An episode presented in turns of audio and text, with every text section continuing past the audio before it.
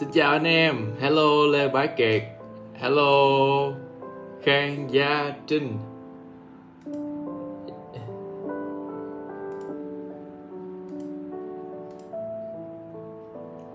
Yeah, xin chào Ngô Minh Hoàng. Đỏ quá like trấn ngang anh em đi Duy. Ngủ muộn thế. Yeah yeah. Mình mới soạn đồ xong. Hello, Hứa Văn Úc Hello, Đặng Cảnh. Dạ chào anh em.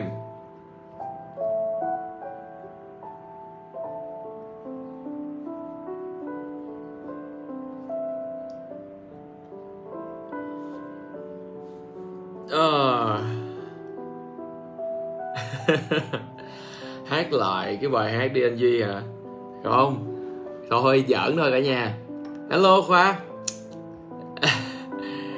yeah yeah yeah.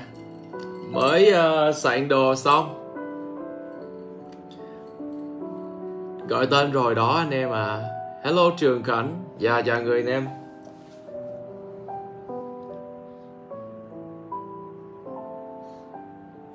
Ừ.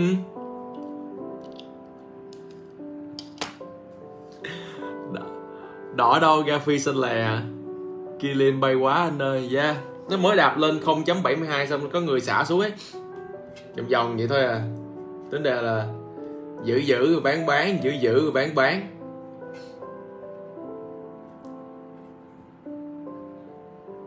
Nguyễn Thừa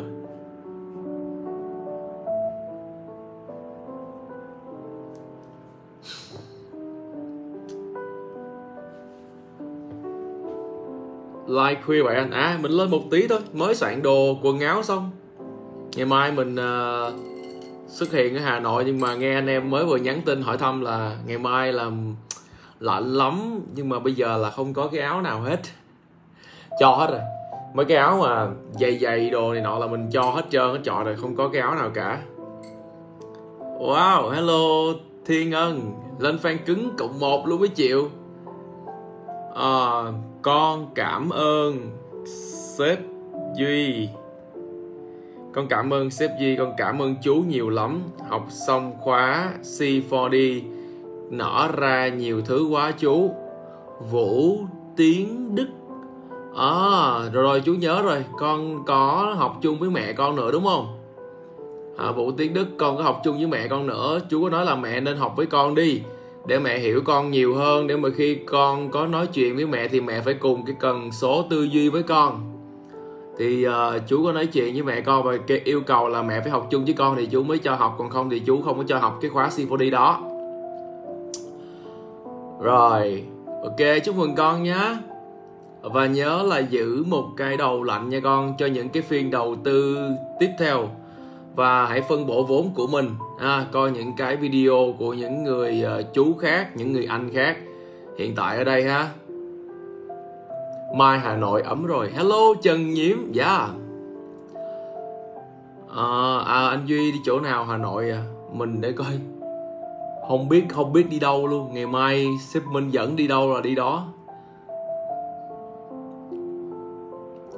À, thôi sếp nói là không được báo giờ cho các bạn báo giờ cho các bạn thì các bạn lại ra đông lắm thì lại phiền.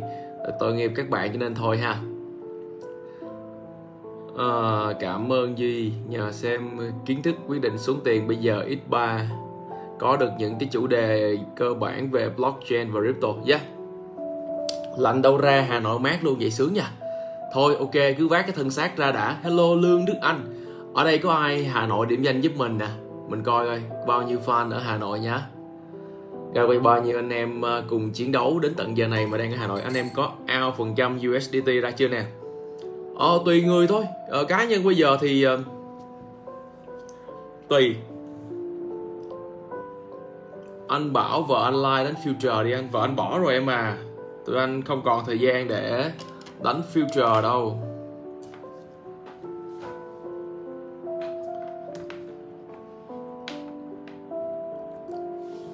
Rồi Mai Mai mát lắm anh. Yes, Trời ơi, tuyệt vời.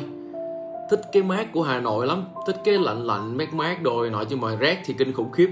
Có một đợt ra ngay rét một đợt thì ra ngay cái mùa nóng cũng. Ui, mình sợ cái mùa nóng của hà nội kinh khủng. Tại vì trong miền nam này nó có nắng gắt đi nữa thì nó cũng không thể nào gắt bằng cái hà nội ấy. Trời ơi, ra buổi trưa đi ăn cơm với anh em không thể nào bước xuống ăn được ập một phát là cái cái nó gắt á. Hello trần huy tấn kiệt. Lương đức anh hà nội. À mình có nhớ lương đức anh mình nhớ tên. Một số anh em đời đầu là mình nhớ tên hết. Dương khoa ở hà nội à.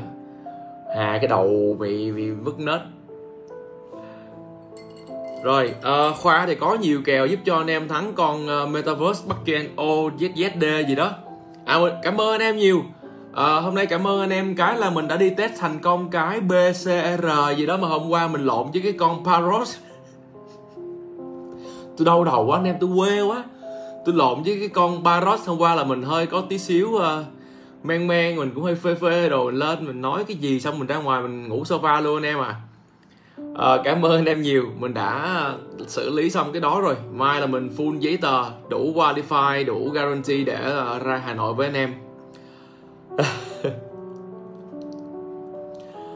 ờ hello bùi bảo khang. Lần đầu nghe gọi tên nghe giật mình. Yeah hello đặng tiến phú. Hà nội mùa thu lượng quanh hồ tây không biết có kịp thời gian lượng quanh hồ tây hay không. À, ra là mấy sếp bắt đi uh, plan học hành đồ các kiểu rồi uh, cảm ơn một số uh, sếp nữa.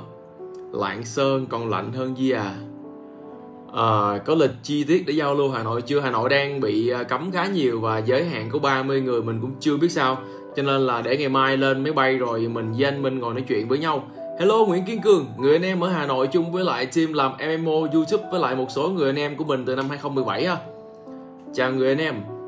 Hello Kim Khuê. Hà Nội đang bùng dịch anh Duy nhớ cẩn thận nha. Yeah, ok. Dạo này em bị đại ca chữ miết à, cả nhà. em thì sao? Hello Huy Hoàng. Dạ. Yeah. Em mới biết nè anh. Mới biết cái gì? Thời tiết Hà Nội rất đẹp. Dạ. Yeah làm mình quéo luôn hello thành lực wow tối nay toàn là fan cứng mà còn cộng một không nhỉ rồi gọi tôi tôi là tôi ưu tiên ai fan cứng cộng một là tôi gọi tên hết à, à, chuẩn bị hello nguyễn thừa chuẩn bị nghỉ làm công việc truyền thống. Wow. Ờ, uh, Max Show chưa? À, không phải là động viên hay là gì nhưng mà nếu là max show rồi thì hãy chắc chắn với cái quyết định của mình và nghiêm túc vào. Và xin chúc em sẽ có được những cái thành công nhất định trong cái sự lựa chọn của mình.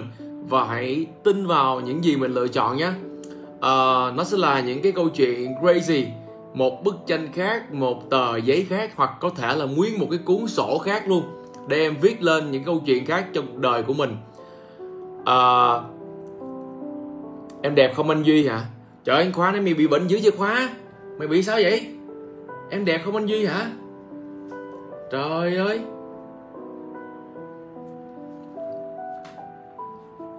Hello Phú Lê Phú Lê như Hà Nội luôn Ờ đặng cảnh thời tiết này lượng Hồ Tây bao phê Dạ Vậy thì phải ờ, làm sao đó xin xếp để kéo đi Hồ Tây một phát nha Chứ anh em nói thế này mà không ra Hồ Tây thì lại căng thế. Hello lâm ngọc mẫn. Lâm ngọc mẫn hình như cũng à, à ở, ở đây hà nội hay hay hồ chí minh ta? Hello văn đình.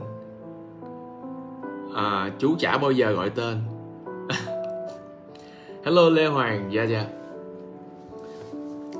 Em ngồi nhà kèo, phát kèo cho phụ huynh chuyên tư vấn margin yeah. Hello, việt nguyễn. Yeah. Em chạy song song giữa truyền thống và crypto anh. Yes. Ok, good good good. Em vừa mất fan cứng cộng một. Đâu có, anh đang thấy fan cứng cộng một mà. Mọi người, hello anh. Yeah rồi à, thì ờ, cảm ơn cả nhà rất là nhiều vì đã hôm qua tối hôm qua mặc dù mình đang đã hơi có men và à, xém nữa là nói những điều không cần nói ờ, về vợ luôn rồi. Vợ sáng chửi quá trời. Xong rồi lên công ty bà còn chửi nữa cha này khùng dễ sợ tối tự nhiên nói tùm lum tà la. Xong cái à, xém xong rồi mình ngủ sofa nguyên đêm hôm qua luôn. Sáng dậy đi lên công ty xong rồi đi làm cái giấy PCR rồi từ tôi nhớ tên cái giấy đó luôn. Ghê thiệt mà giá lên cả nhà đâu phải tám trăm rưỡi đâu tự nhiên không sáng nay đi lên đi mua cái đồng tiền crypto BCA đó, mất hết một triệu hai năm chục. Nó vô nó ngoái cho hai phát, một cái lỗ mũi, một cái vô họng. Mất ngay một triệu hai năm chục, một đống kia liên hồi sáng nay mà mua một triệu hai năm chục đó, mua một đống kia liên thì bây giờ nó có phải là nước ba không cả nhà? Bây giờ là 3 triệu mấy? Thật là xót xa cho một cái con hàng BCR thật sự ấy. Buồn thật sự luôn vô chọt phát mất triệu hai năm chục. Trời đất ơi. Kinh khủng thiệt. À, muốn tìm một công ty về crypto thì làm thế nào? Trần Nhiễm tôi Hà Nội à Ok Hà Nội. Em có bị anh Duy ghét không mà không bao giờ đọc comment hả? Có đây. Hello Trần Quốc Cường.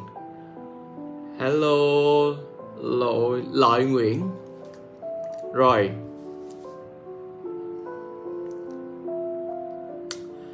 À, Thì à, Cảm giác khá là, là, là, là Hơi hôm nay mình hơi vui bản thân thì à, anh em thấy là cái con hàng à, Kilin ấy à, Kilin nó nó tăng giá thì bản thân mình thì cũng không phải là đó là không phải là một cái con quá đột biến trong portfolio của mình ha. hôm bữa mình có cho anh em thấy à, số tiền mình mua nó cũng không phải là ít với người khác nhưng mà đối với mình thì nó cũng không phải là không ảnh hưởng với mình lắm về cái con hàng đó. Và thứ hai là target của mình cũng không phải là chốt ngay bây giờ. Mình có thể để nó 2 năm nhưng mà mình khuyên anh em là nếu một cái điểm nào anh em có thể cần chốt á thì anh em tự chốt cho bản thân của mình nhé. Còn chúng ta không giống nhau. À, bản thân mình muốn để một câu chuyện gì đó mình có thể kể sau này hay là một cái gì đó. Tức lại là làm hello tuấn lâm. Thì uh, mình muốn sau này một số câu chuyện giống như là ở Bukados giống như là Nia thì uh, mình muốn kể một số câu chuyện cho con mình sau này. Cho nên đôi khi mình vừa có thể giữ Kilin đến 2 năm và đôi khi nó có thể chết luôn cũng được trong vòng 2 năm tới nó không làm gì nữa hay là gặp một sự cố gì đó. Nó có thể fail luôn cũng được thì mình cũng không có buồn. À, bởi vì đó là mình chấp nhận rủi ro về cái việc đó. Còn anh em thì à, mỗi người một target cho nên là mỗi người thường à, tự chốt theo bản thân của mình nhé. Còn vấn đề là mọi người tính mình mọi người mua nó. Và đến khi mà nó tăng trưởng như thế này thì uh, crazy và từ hồi chiều đến giờ từ cái lúc mà cái con này nó sồn sồn tự nhiên nó cứ kéo tăng tăng tăng tăng tăng tăng gì đó. Thì uh, con cũng có nhiều người chốt lời đấy xong rồi vào cảm ơn rất nhiều. Và đặc biệt là cũng có những người em từ gia đình bên vợ và các kiểu thì có vào cảm ơn. Thế nên mình cũng khá là happy. Một tí thì cũng lên ờ, dặn dò cả nhà là cái gì cũng vậy. À, target mỗi người nó mỗi khác nhau. Chúng ta không có đi hỏi được ha. Đừng hỏi thằng khác nó chốt bao nhiêu mình chốt bao nhiêu phải trả lời câu đó được à, muốn hẹn anh duy ngoài cà phê chắc khó rồi đó. Khó rồi tôi đang có 3 ngày thôi và hai ngày là đã được lên full cái plan rồi. Full cái plan gặp gỡ các sếp. Những người cần cảm ơn những người cần gặp gỡ thì đã mất hai ngày. Và chỉ còn đúng một ngày thì không biết là như thế nào. Cho nên là để mình ra đó rồi cái gì mình sẽ livestream lên cái cái uh, Facebook của mình rồi mình báo với cả nhà. Mình cũng chưa biết mình đang ở đâu nữa à, cái cậu bạn kêu anh scam đã xin lỗi chưa? À, chưa. Cá nhân thì à, mình cũng không cần những cái lời à, xin lỗi đó bởi vì à, mọi thứ thời gian nó sẽ chứng minh à, cũng như à, Bukadot cũng như à, Nia và sắp tới còn một số con nữa. Thì à, sao ta? À, tất cả mọi cái điều thì chúng ta không cần phải nói khi mà một khi cái độ chính nó tới rồi. Và kết quả là cái minh chứng rõ ràng nhất chúng ta không cần phải nói nhiều và uh, hello Long Lương yes Nguyễn Viết. Em bút vé rồi hẹn anh duy ở ngày mai phố mai anh tuấn nha anh. Ngày mai mà mình đứng ở ngoài cái chỗ cái hồ gì hồi nãy các bạn kêu đẹp cái hồ tây á. Xong mình đứng mình hát cái cái bài gì hồi nãy mình mới vừa đi đó. Cái bài gì mình quên tên rồi? Mình mới sáng tác mình hát cái gì mà đu đu đu đu đấy mình hát cái bài đó giữa lòng hà nội có bị đuổi về không anh em hay là bị nhấn xuống cái hồ tây luôn không ta?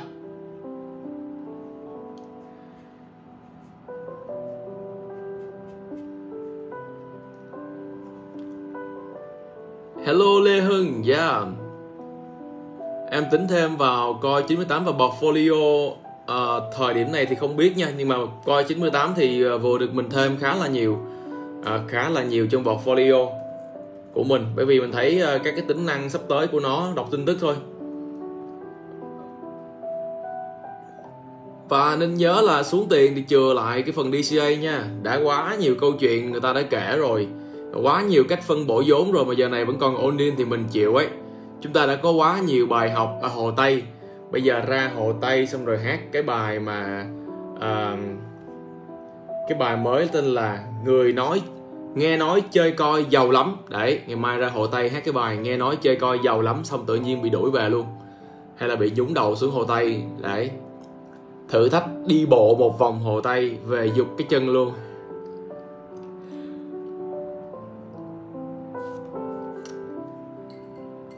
Yeah. Coi 98 all in one thì uh, cũng có một số anh em feedback lại là cái giao diện và cũng như là cái việc all in one của coi 98 nó gây khó khăn cho những cái người mới hoàn toàn. Nhưng mà cá nhân mình nghĩ rằng anh em chịu khó bỏ ra một ít tiền vài trăm đô và sử dụng full nền tảng của coi 98 cái không quen ở đây là anh em không chịu thử thử nó thôi. Tại vì kiểu như cứ sợ sợ mất phí sợ đồ thì đừng sợ mình giao dịch hay là mình làm những cái lệnh nó nhỏ nhỏ nhỏ nhỏ. Thì làm riết nó quen đó bạn có ai mới vô mà biết tạo ví metamask đâu? Có ai mới vô mà chiến thắng ít 10 100 đâu? Toàn và đa phần mới vô là bị mất password. Rồi à, quên ký tự 12 ký tự xong rồi đưa cho thằng bạn kế bên 12 ký tự. Nhờ thằng bạn mua dùm bởi vì không biết Binance mua làm sao. Xong rồi thằng bạn nó thấy tiền nhiều quá nó scam luôn.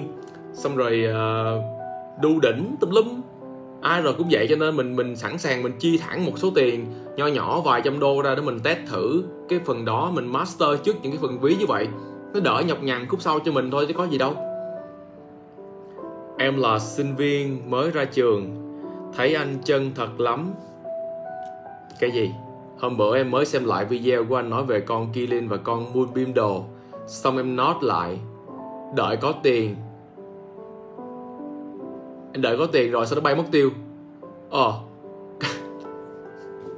Ok cảm ơn em. Thì uh, em cứ tách nốt lại đó là chặng đường của em và sắp tới thì uh, tự rút kinh nghiệm cho mình. Chứ uh, cơ hội nó vậy đó. Và những người khác thì chờ rất lâu uh, cho nên nó mới có bây giờ. Không phải không có cái gì nhanh cả. Em mua một con tăng trưởng 5,5 lần và một con x 35 lần có nên chốt hay không? À, em xem về tiềm năng roadmap của nó checking chắc là cái dòng vesting. Ha chắc là cái dòng vesting nếu ok hay là còn đẩy được nữa thì em giữ và khoảng giữ uh, chắc hết tháng quá hết tháng 11 tại vì kiểu gì đến cuối năm thì đâu đó cũng sẽ có những cái đột đợt thế giới người ta phải chúc lời ăn tết tây noel đồ này nọ thì không biết nha cũng còn tùy vào thị trường lúc đó nó có hưng phấn hay không nữa. Chứ mà nếu như mà hưng phấn á, thì cái lượng người cho dù có bán đi á, mà cái lượng hưng phấn họ nạp tiền vào lớn hay là các cái quỹ lớn nạp tiền vào thì cũng cũng thoải mái luôn.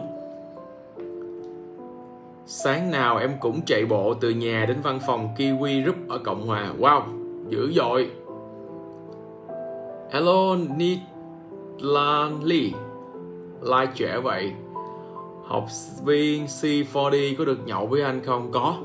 Thứ bảy tuần sau mình có về với Hồ Chí Minh. Hôm bữa nhậu với một bên anh em rồi ha. Để cuối tuần thứ bảy tuần sau nữa mình về lại thì uh, tính tiếp.